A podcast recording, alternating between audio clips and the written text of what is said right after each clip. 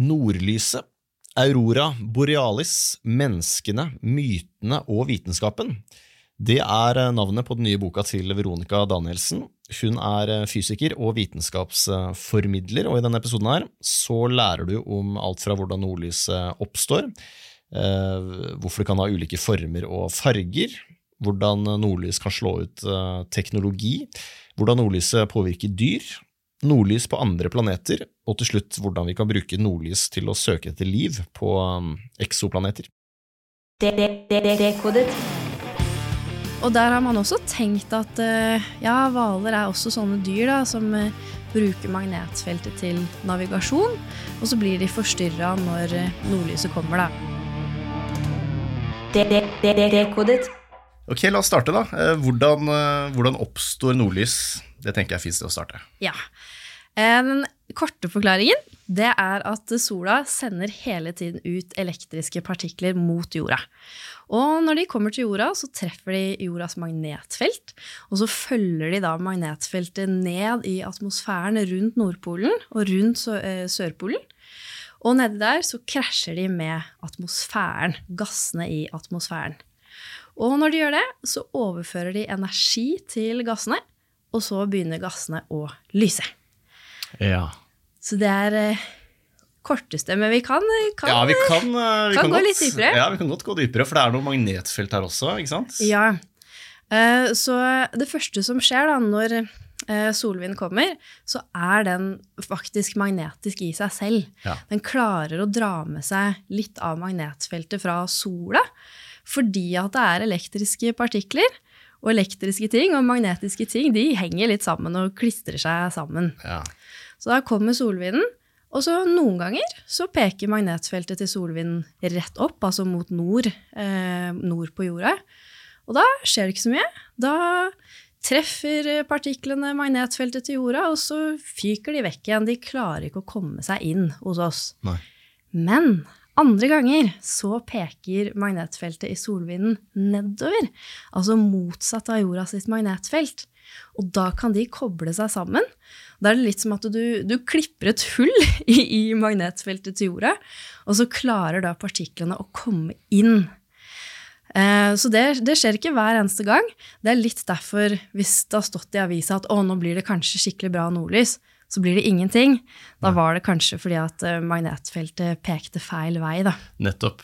Ok, Så det er magnetfeltet til solvinden må koble seg til magnetfeltet til jorda? Så det er to Ja. magnetfelt som kobler seg sammen, egentlig? Det er det. Ja. Og da, når de, når de magnetfeltene kobler seg sammen, så er det sånn at disse eh, eller plasmaene, eller hva skal vi kalle det, eh, solvindpartiklene, Ja, eh, de eh, presses lenger ned i atmosfæren på jorda. Stemmer. Og så er det de partiklene som krasjer med Så krasjer de Ja. da med disse gassmolekylene som svever rundt der oppe. Og det som skjer da, det er at gassmolekylene de får energi ut ifra det krasjet her. Ja. Og hvis vi zoomer helt inn i hva som skjer i et atom når det får energi det er, Atomer de har jo en, en kjerne, og så har de elektroner som svirrer rundt den kjernen, nesten som et lite solsystem. Mm. Eh, og når det får ekstra energi, så kan elektronene hoppe opp til høyere baner inni mm. atomet. Så det her er det som skjer da når partikler fra sola krasjer med gasser i atmosfæren. Men atomene de klarer ikke å holde på den energien så veldig lenge. Så elektronene de faller ned igjen til den banen som de var i til å starte med. Og når de gjør det, da skjer det gøye. Ja. Fordi da sendes den ekstra energien som atomet fikk, ut igjen i form av lys. Ikke sant? Og det er det som er nordlyset. Det er det som er nordlyset. Når det elektronet faller ned til sin opprinnelige bane. Ja. Den ekstra energien da kommer ut som et foton, og da ser vi det som, en, eh, som et grønt nordlys på himmelen. Det Er er grønt eller rødt eller, Eller rødt. rosa? Ja, ja. Uh, ja, apropos det, hvorfor er det ulike farger på det? Ja, det er fordi at eh, alle atomer har ulik avstand mellom disse elektronbanene. Og hvor langt eh, elektronene faller, eh, det bestemmer hvor mye energi som kommer ut. Og hvor mye energi som kommer ut, det bestemmer hvilken farge lyset får. Og det betyr at ulike gasser de sender ut lys med ulike farger. Ja, så, Men grønn er den vanligste fargen. Grønn er den vanligste fargen. Og hvilken gass er det som sender ut grønt Eh, nordlys? Det er oksygen. Men det her er ikke sånn oksygen som vi puster inn nede på jorda. Vi puster inn eh, oksygenmolekyler hvor to og to oksygenatomer henger fast i hverandre. Men eh, oppi, høyt, høyt oppe i atmosfæren så svever oksygenene som singelatomer. Og det er de som sender ut det grønne nordlyset. Ja. Så hva, hvis man ser, altså Hvilke farger kan man se på himmelen? Altså Grønt er det vanligste, og så nevnte du rødt. Grønt er det vanligste, eh, og over det grønne så kan det komme rødt. Det er også fra oksygen, single oksygenatomer. Men der er det litt færre oksygenatomer. De krasjer ikke så ofte i hverandre. De klarer å holde på energien litt lenger før de slipper den. Og da blir det også litt annet sånn elektronhopp, da. Okay. Så da får vi en annen farge. Men det er jo også mye nitrogen i atmosfæren, er det ikke det? Det er nitrogen, og det er litt lenger ned igjen. Det er under da det grønne nordlyset. Og da har vi to typer nitrogen. Vi har elektrisk lada nitrogen, og så har vi nøytralt ikke-elektrisk lada nitrogen. Og den elektriske lada nitrogengassen, den sender ut fiolett eh, nordlys. Mens den eh, ikke-lada, den nøytrale, den sender ut mørkerødt. Og så blander de her seg, og når øynene våre ser det, så ser det rosa ut. Ja. Så vi, Da ser det rosa ut, vi vi blir litt lurt av Vi hva vi egentlig, egentlig ser. Stilig. Så, okay, så oksygen, når vi ser grønt nordlys og rødt nordlys, så er det oksygen. Og når vi ser rosa nordlys, så er det nitrogen. Ja. Uh, Fins det andre farger da, som man kan se? ja, vi har en eh, farge til. Nordlyset kan også være blått, men det er veldig sjeldent. Uh, og det skjer bare hvis det er veldig mye sånn turbulens i atmosfæren, og ting eh, fyker alle veier. Og så får du nitrogen høyt, høyt, kjempehøyt oppe i atmosfæren, sånn 500 km over huene våre. Mm. Der, der oppe så er det sånn at selv om det er mørkt på jorda, så, så blir den eh, delen av atmosfæren fortsatt bestrålt av lys fra sola. Og da får du en litt annen type nordlys. For istedenfor at det da er, eh, er partikler som krasjer med nitrogenet og eksiterer eh, atomet, så er det lysstråling som får nitrogenet til å eksitere, og da sende ut blått nordlys. Ok, og Det er litt sjeldnere, det kanskje? da? Det er, det er sjeldnere, og så er det veldig vanskelig å se med vanlige menneskeøyne. Ja. Så det syns bedre på kamera, altså. Ja, ikke sant? Litt Ja. fordi himmelen er blå, kanskje? Ja, det det også litt- er det jo ikke, ja. Men um, ja, stilig. Er det jo, men det er jo også mange ulike former da, nordlyset kan ta. I boka så skriver du jeg tror du skriver om uh, diffuse og distinkte nordlys.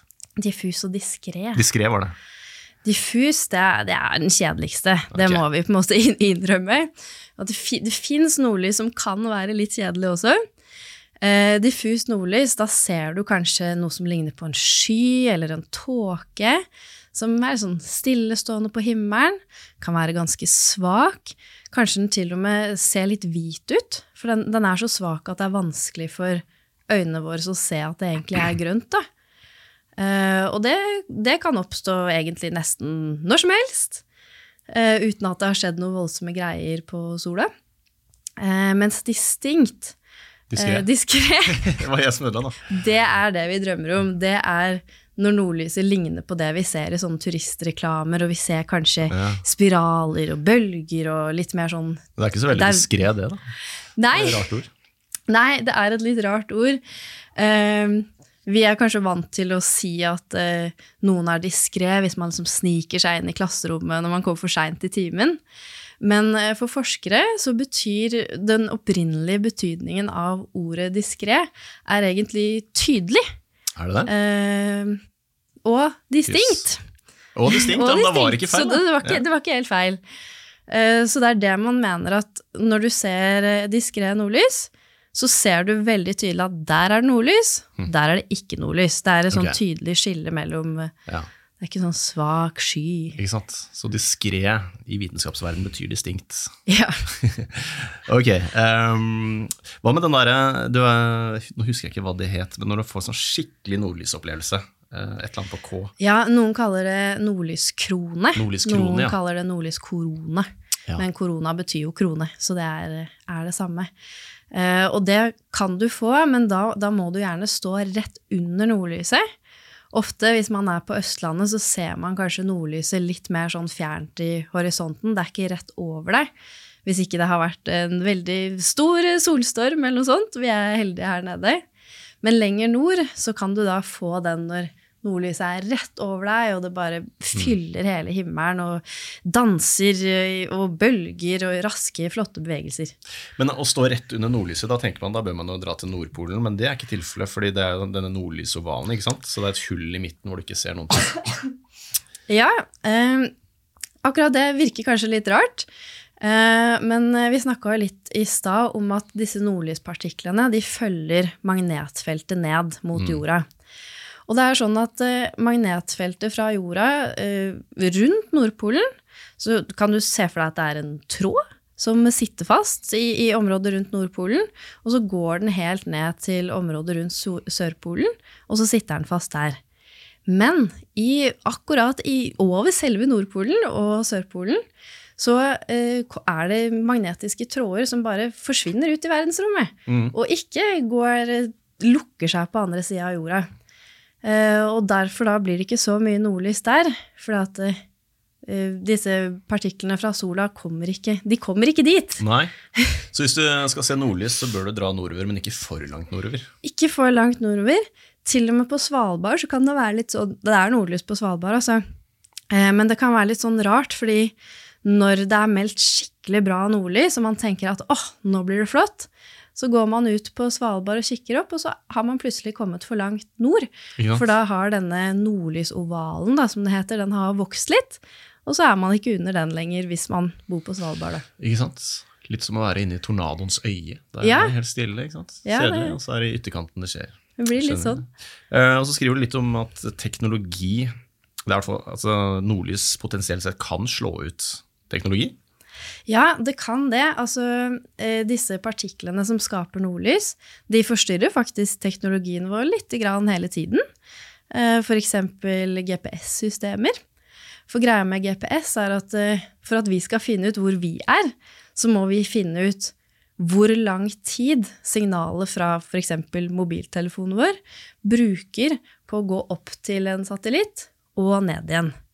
Og det er veldig lett å regne ut hvis det bare hadde vært luft eh, mellom satellitten og mobilen vår. Men så er det disse elektriske ladede partiklene fra sola. Da.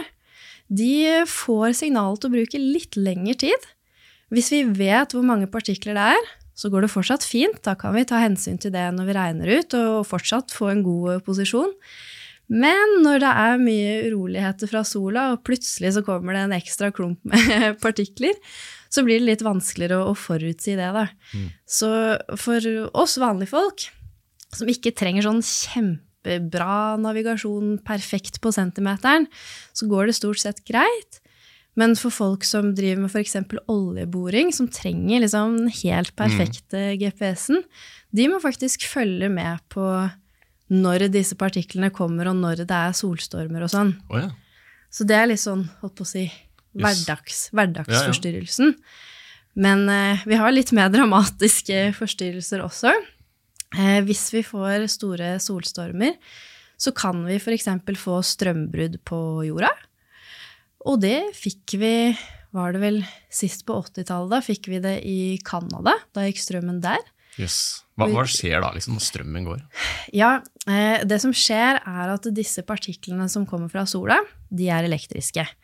Og de driver og flytter seg rundt oppi i atmosfæren og lager elektriske strømmer. Men når det oppstår en elektrisk strøm, så vil det alltid oppstå et magnetfelt, for sånn er naturen. Så da, selv om de strømmene er høyt, høyt over bakken, så blir det noe magnetfelt lenger ned og nede på jorda, som igjen kan sette i gang strømmer på jorda. Okay. Og da kan det begynne å plutselig gå ekstra mye strøm i de strømledningene som vi allerede har. Og så blir de overbelasta. Nettopp. Så det er jo Stilig. Og litt dramatisk. Litt stilig, men også litt, litt dramatisk, og kan ha, kan ha negative ja. Konsekvenser. Da. Er det noen sånne skikkelig skrekkeksempler på hva altså, Er det noen teoretisk mulighet for at dette kan gå skikkelig gærent? Liksom? Hvis du får en sånn gigantisk solstorm? Ja, altså eh, heldigvis for oss mennesker så skal det veldig mye til for at at vi blir slått ut av dette her, sånn Mm. kroppene våre, liksom. Så er det mest teknologien som er utsatt. Eh, Og det som kan skje, er jo at, at enda større områder mister strømmen i lang tid. Som kan være kjipt hvis du er, på et sykehus og trenger strøm Mm. for å holde deg i live og litt sånt. Eh, og så er det det at satellittene kan bli ødelagte. Ja. Og det er, vi er kjempeavhengig av satellitter nå til dags. Det er vel kanskje de første som ryker, da? Hvis Det, det er nok de første som ryker. Uh, og, og de er også veldig dyre å fikse. Mm. Så det er uh, en utfordring. Ja. Men det har ikke skjedd Ja, det var sist på 80-tallet. At, eh, Ja, nei, altså vi hadde 2003 så hadde vi noe som het Halloweenstormen. Halloween-stormen. Da var det en solstorm ca. rundt halloween. Uh, og da var det noen, noen satellitter som ble slått ut. Mm. Uh, noen bare midlertidig, og noen ble helt slått ut. Men det var ikke sånn at liksom alle, alle satellittene ble slått ut samtidig. Ikke sant? Nå har skje. sendt opp tusenvis, da, så vi har en liten buffer, da, kanskje. Ja, ja. um, jo, du skriver også litt om uh, lyd. Er det noen som påstår at de kan høre nordlys? Er det bullshit? Nei, det er ikke det. Eh, man trodde veldig lenge at det var det. Fordi nordlys er jo da Det er kjempehøyt oppe. Det, det laveste nordlyset er sånn 80 km over huene våre. Og så er det veldig tynn, tynn luft uh, et godt stykke der før man kommer ned til oss. Og lyd trenger jo luft for å, å bevege seg.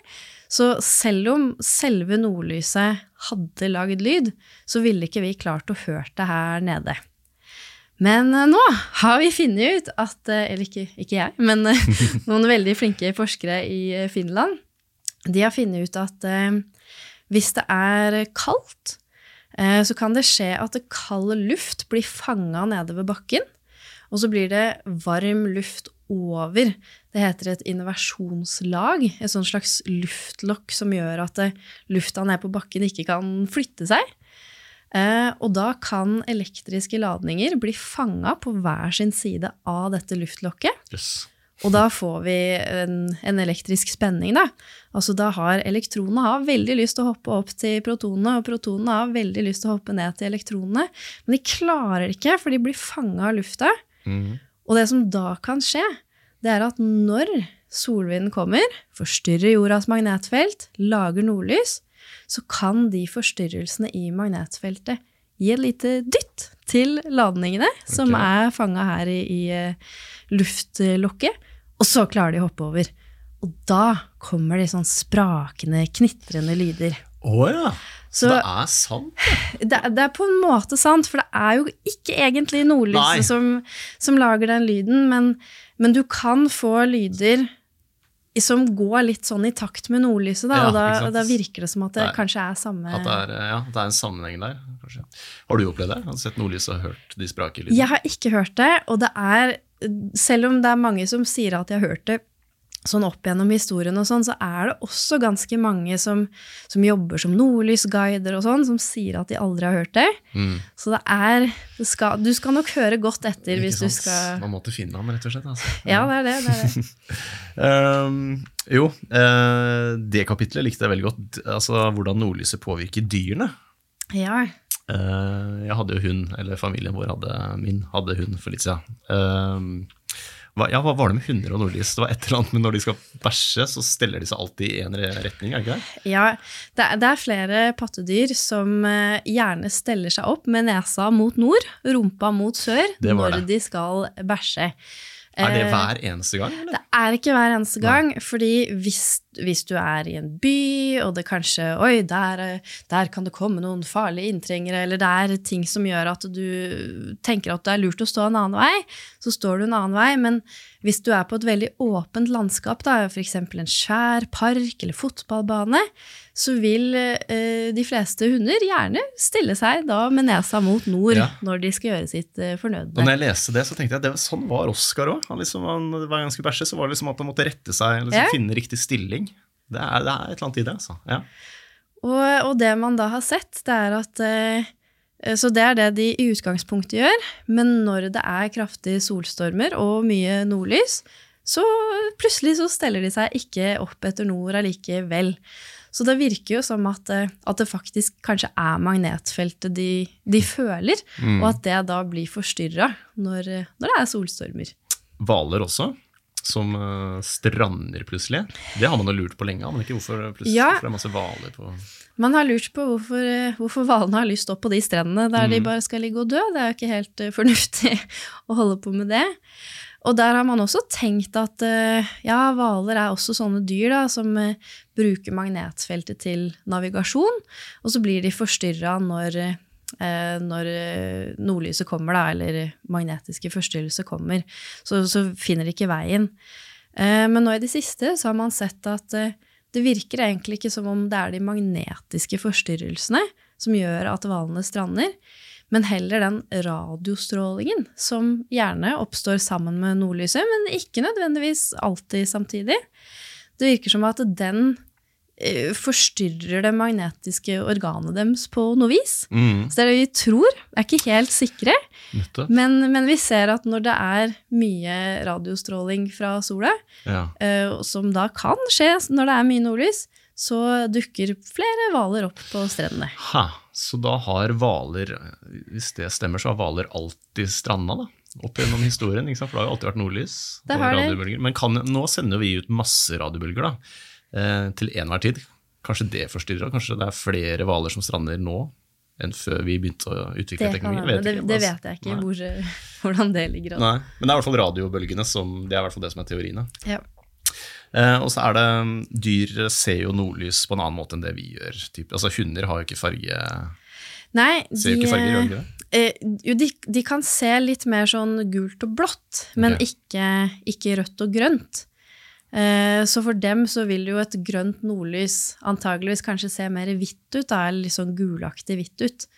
Så hvis de ser det, og vi, og vi tror at hunder ser det, fordi at de, de har det med å bjeffe når det er kraftig nordlys. Så ser de nok et litt annet nordlys enn det vi Ja. ser. Ellers er det bare stressa, for de veit ikke hvordan de skal stå når de bæsjer. Det, det kan også hende. Kanskje de bare er stressa og har litt vondt i magen. um, jo, nordlys på andre planeter. Ja, det er gøy. Det er gøy. Det er gøy. Kjør.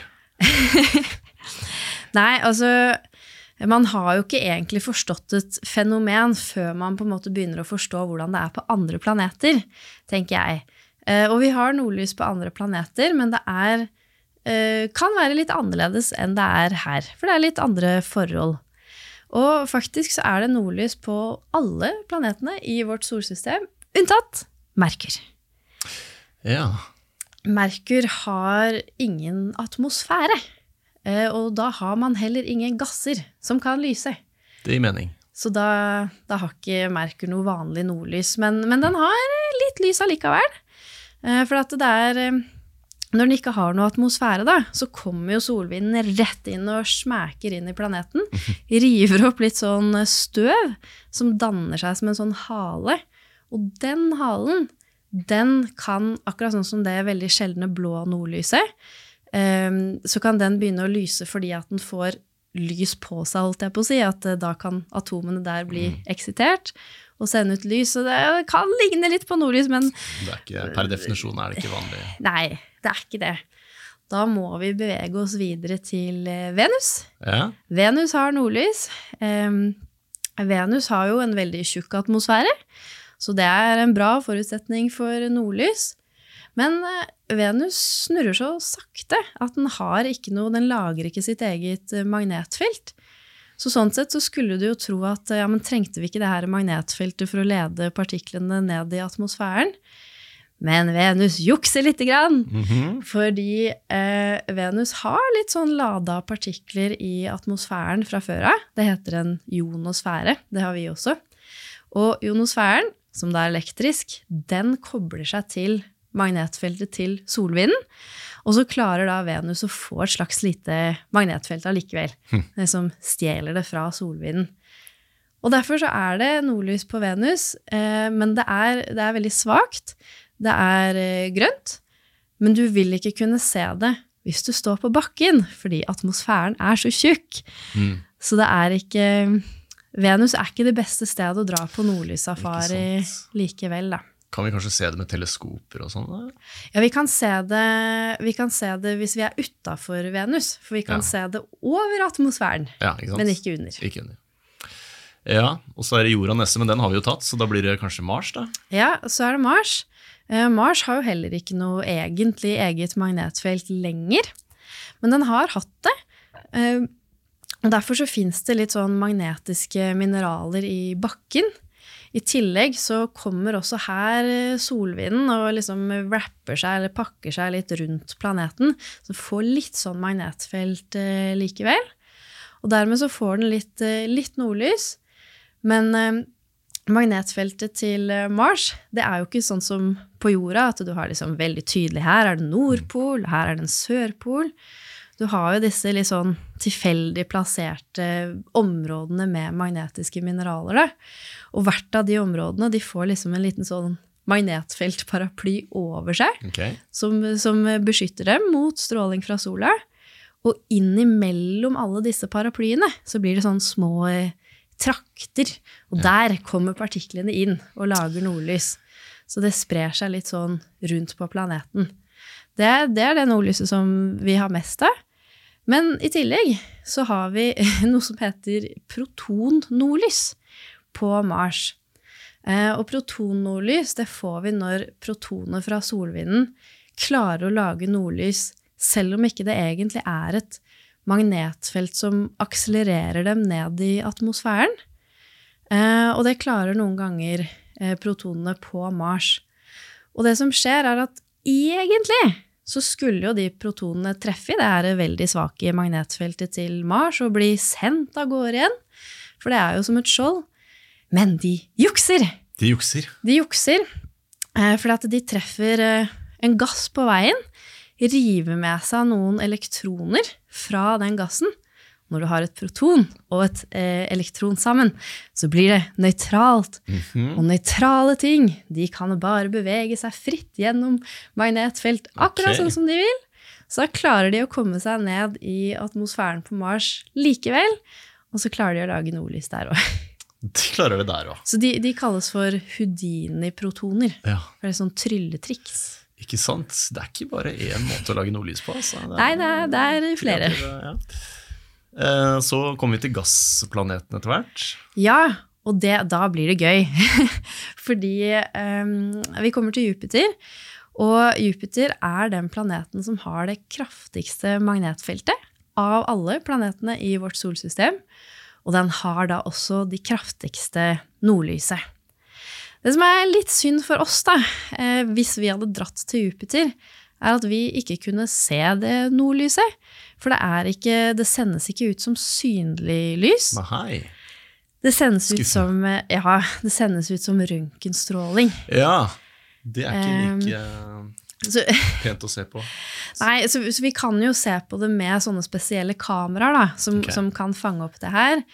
Uh, og hvis du googler eh, nordlys på Jupiter, så vil du se bilder. Uh, men da har de tatt bilde først av Jupiter i det synlige spekteret. Og så har de tatt bilde av nordlyset i røntgenspekteret. Så har de så farga har de farga det og Ja. lagt det oppå, da. Så vi, vi kan se det, men, men vi kan ikke egentlig Ikke se sant. det med, med øynene Er det ikke litt sånn de gjør med det James Webb-bildet også? Så de Ja. tar bilder i det infrarøde spekteret, og så er det noen som fargelegger det.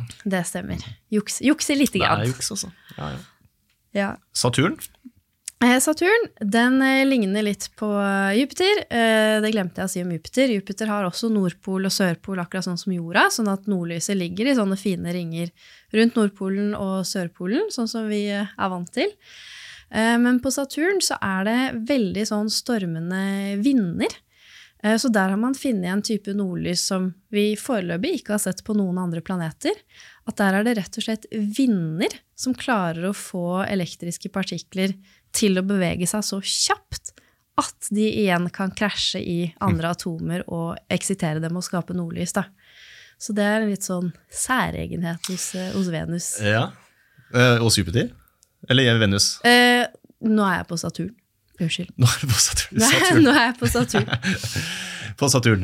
Ja, skjønner. Ehm, det virker som altså det, er jo, det er jo virkelig ikke bare én måte at nordlys kan oppstå på her. Det, så hva er den vanlige måten? Går det an å si det? Ja, altså Altså- den, den vanlige måten er jo at det kommer noen partikler enten fra sola eller fra en, en vulkan på en måne eller en planet i nærheten, eh, som da krasjer og eksiterer atomer. Ikke sant? Eh, Da tipper jeg at det er nordlys på de to siste planetene også. Ja, det er det. Det er eh, nordlys på eh, Uranus og Neptun. Men eh, Uranus er en raring, da. Eh, Fordi mens alle de andre planetene de snurrer på en måte stående i forhold til den banen de går rundt eh, sola i, så eh, ruller Uranus på siden. Eh, Og det gjør at det skjer litt rare ting med magnetfeltet. Så eh, nordlyset det samler seg ikke rundt polene, eh, men det, det kan dukke opp egentlig litt, litt av hvert eh, steder. For det, ja, magnetfeltet på Uranus er veldig sånn ustabilt og ujevnt fordelt, Ja. rett og slett. Uh, Neptun også, eller? For Neptun er ikke sånn skråstilt. Neptun er ikke, Neptun er ikke skråstilt, Uh, men der så ser vi for oss at nordlyset er mest rundt, uh, rundt ekvator, faktisk. Mm. Der ser vi for oss at den har mest en type nordlys som eh, vi kaller SAR, Stable Auroral Red, eller rød nordlysbue. Det har vi også på jorda, men, men det er litt vanskelig for oss å se dem på jorda. Um, og det, det kommer ikke av partikler som krasjer inn i planeten. Nå er vi jo langt unna sola. Men av partikler som allerede er i atmosfæren, og som på en eller annen måte får energi til å bevege seg ekstra fort. Vi vet ikke helt hvordan det skjer Nei. på, på Neptun. Mystisk. Ja. Og hvis vi drar enda lenger ut, til eh, Pluto, så er det åpenbart ikke nordlys. For det er ikke, ikke er en planet, for det første, og ikke har en atmosfære. Og, ja. Ja, da blir det ikke nordlys. Da blir det ikke nordlys. Men hvis vi drar enda lenger ut, til eksoplanetene, så skriver du vel litt om det i boka også, at man kan bruke nordlys til å ja, kanskje se om det fins liv da, på andre planeter. Ja, em, for når vi leter etter liv, så er det jo noen ting vi, vi leter etter. Vi ser jo for oss at eh, omtrent sånn som jorda er, er en bra planet eh, å ha liv på. Ja, det er en fordel at det er en atmosfære, sånn at man kanskje kan puste inn et eller annet. Og så er det en fordel at det er et magnetfelt som holder den atmosfæren på plass. Og ikke minst at det magnetfeltet er ganske stabilt over tid. Så det er det liksom vi ser etter hvis vi skal prøve å finne liv på andre planeter. Eh, og det kan vi se hvis vi ser nordlys på andre planeter, så kan dette nordlyset fortelle oss om hva slags gasser det faktisk er i Mm. den atmosfæren. Er det noe atmosfære i det hele tatt? Eh, hvor varmt er det i den atmosfæren? Det kan infrarødt nordlys fortelle oss litt om. Eh, og også hvordan magnetfeltet fungerer der. Da. Ja. Hvor sterkt Ja, det ikke er. sant? Så Hvis man observerer nordlys på en eksoplanet, så kan man jo anta at øh, hvis det er grønt, så kan man anta ok, det er oksygen. Og øh, antageligvis er det også et magnetfelt, ikke sant? for det Ja. må til. for at, øh, Så man får jo vite mye da, ut fra det lille, lille informasjonen der. Men er det det som kalles for spektroskopi? Sånn spektral når man Ja, eh, det er jo litt det som vi snakka om, de forskjellige fargene i nordlyset. At alle gasser har på en måte sine farger som de sender ut. Og når vi ser på da spektroskoplinjene, altså hvilke lys er det som egentlig sendes ut fra den planeten, så kan vi se hvilke gasser det er. Så nordlyset kan, kan hjelpe oss med, med å vite mer om, eh, om planeten. Det Nordlyset, altså. Ja, det er Kudos til nordlyset. Eh, Nordlys er gøy! Ja, det er det. Jeg har faktisk, eh, jo, jeg har sett nordlys én gang, tror jeg. For sånn skikkelig eh, oppe i Lofoten. Ja. Det er, eh, det er verdt å få med seg. Det er på bucketlista før man dør. Og nordmenn er så dårlige på å få med seg nordlys! Ikke sant? Det er jo her vi er i nordlysmekka, liksom. Vi bor i Nordlysmekka, og veldig mange som bor på Østlandet, de har liksom Det er sånn Ja, en eller annen gang skal jeg til Nord-Norge Mm. for å se det nordlyset. Men så drar vi kanskje aldri, og isteden så er da Nord-Norge fylt av turister fra Japan og Tyskland. Ikke sant? Som antakeligvis har sett mye mer nordlys enn det vi har sett. Ja, Ja, vi, er, eh, vi er for slappe på det greiene der. Men det hender jo at nordlyset går så langt sør som i Oslo òg, da. Så jeg, jo, jeg tror jeg har sett nordlys her på Østlandet òg, faktisk. Men det Ja. blir sånn der diffust, kanskje, da. Som du kalte det i stad. Ja, det- det blir ikke det jo, eh, spektakulære nordnorske nordlyset. Nei, det blir som regel litt dårligere her, altså. Ja, dessverre. Uh, siste spørsmålet mitt er tror du det fins liv på andre planeter? Men da snakker jeg om uh, intelligent liv, for alle det er sånn her Ja, det fins men fins intelligent liv? Det er et annet Ja. spørsmål. Eh, det standardsvaret veldig mange har, er jo på en måte ja, fordi at det, det fins så ekstremt mange planeter at det, du må jo gjøre det. Mm. Men så er det en utfordring da, at eh, det er veldig mange faktorer som må på plass for at liv skal klare å utvikle seg. Du må ha en relativt stabil sol, eh, og det, og det tar lang, lang, lang tid for liv å utvikle seg. Og nesten alt liv som har vært på jorda, er jo allerede utrydda. Sånn at det å klare å liksom utvikle seg til intelligent liv, det, det er vanskelig. Ja, det er mange faktorer så, som må på plass. Så jeg, jeg vet ikke, og jeg, og jeg, håper jo at det fins annet liv der ute. Men, men, jeg tror ikke det er liksom så sånn skråsikkert at bare Nei. fordi det fins så mange planeter, så, så, gjør det det. Nei, ikke sant. Storetallslov, eller hva de kaller det. Ja. det liksom, fordi det er så mange, så bare er de sannsynligvis Men ja, det er interessant. Vi får antageligvis aldri svaret på det før vi dør. altså. Nei! Kanskje vi får svare på det etter vi dør. Det vet vi heller ikke. Nei, men Gøy. Tusen takk for uh, praten. Og så må jeg anbefale boka di. Nordlyset, Veronica Danielsen, Aurora Borealis, Menneskene, mytene og vitenskapen. Jeg likte boka skikkelig godt. Tusen takk for det. Dekodet.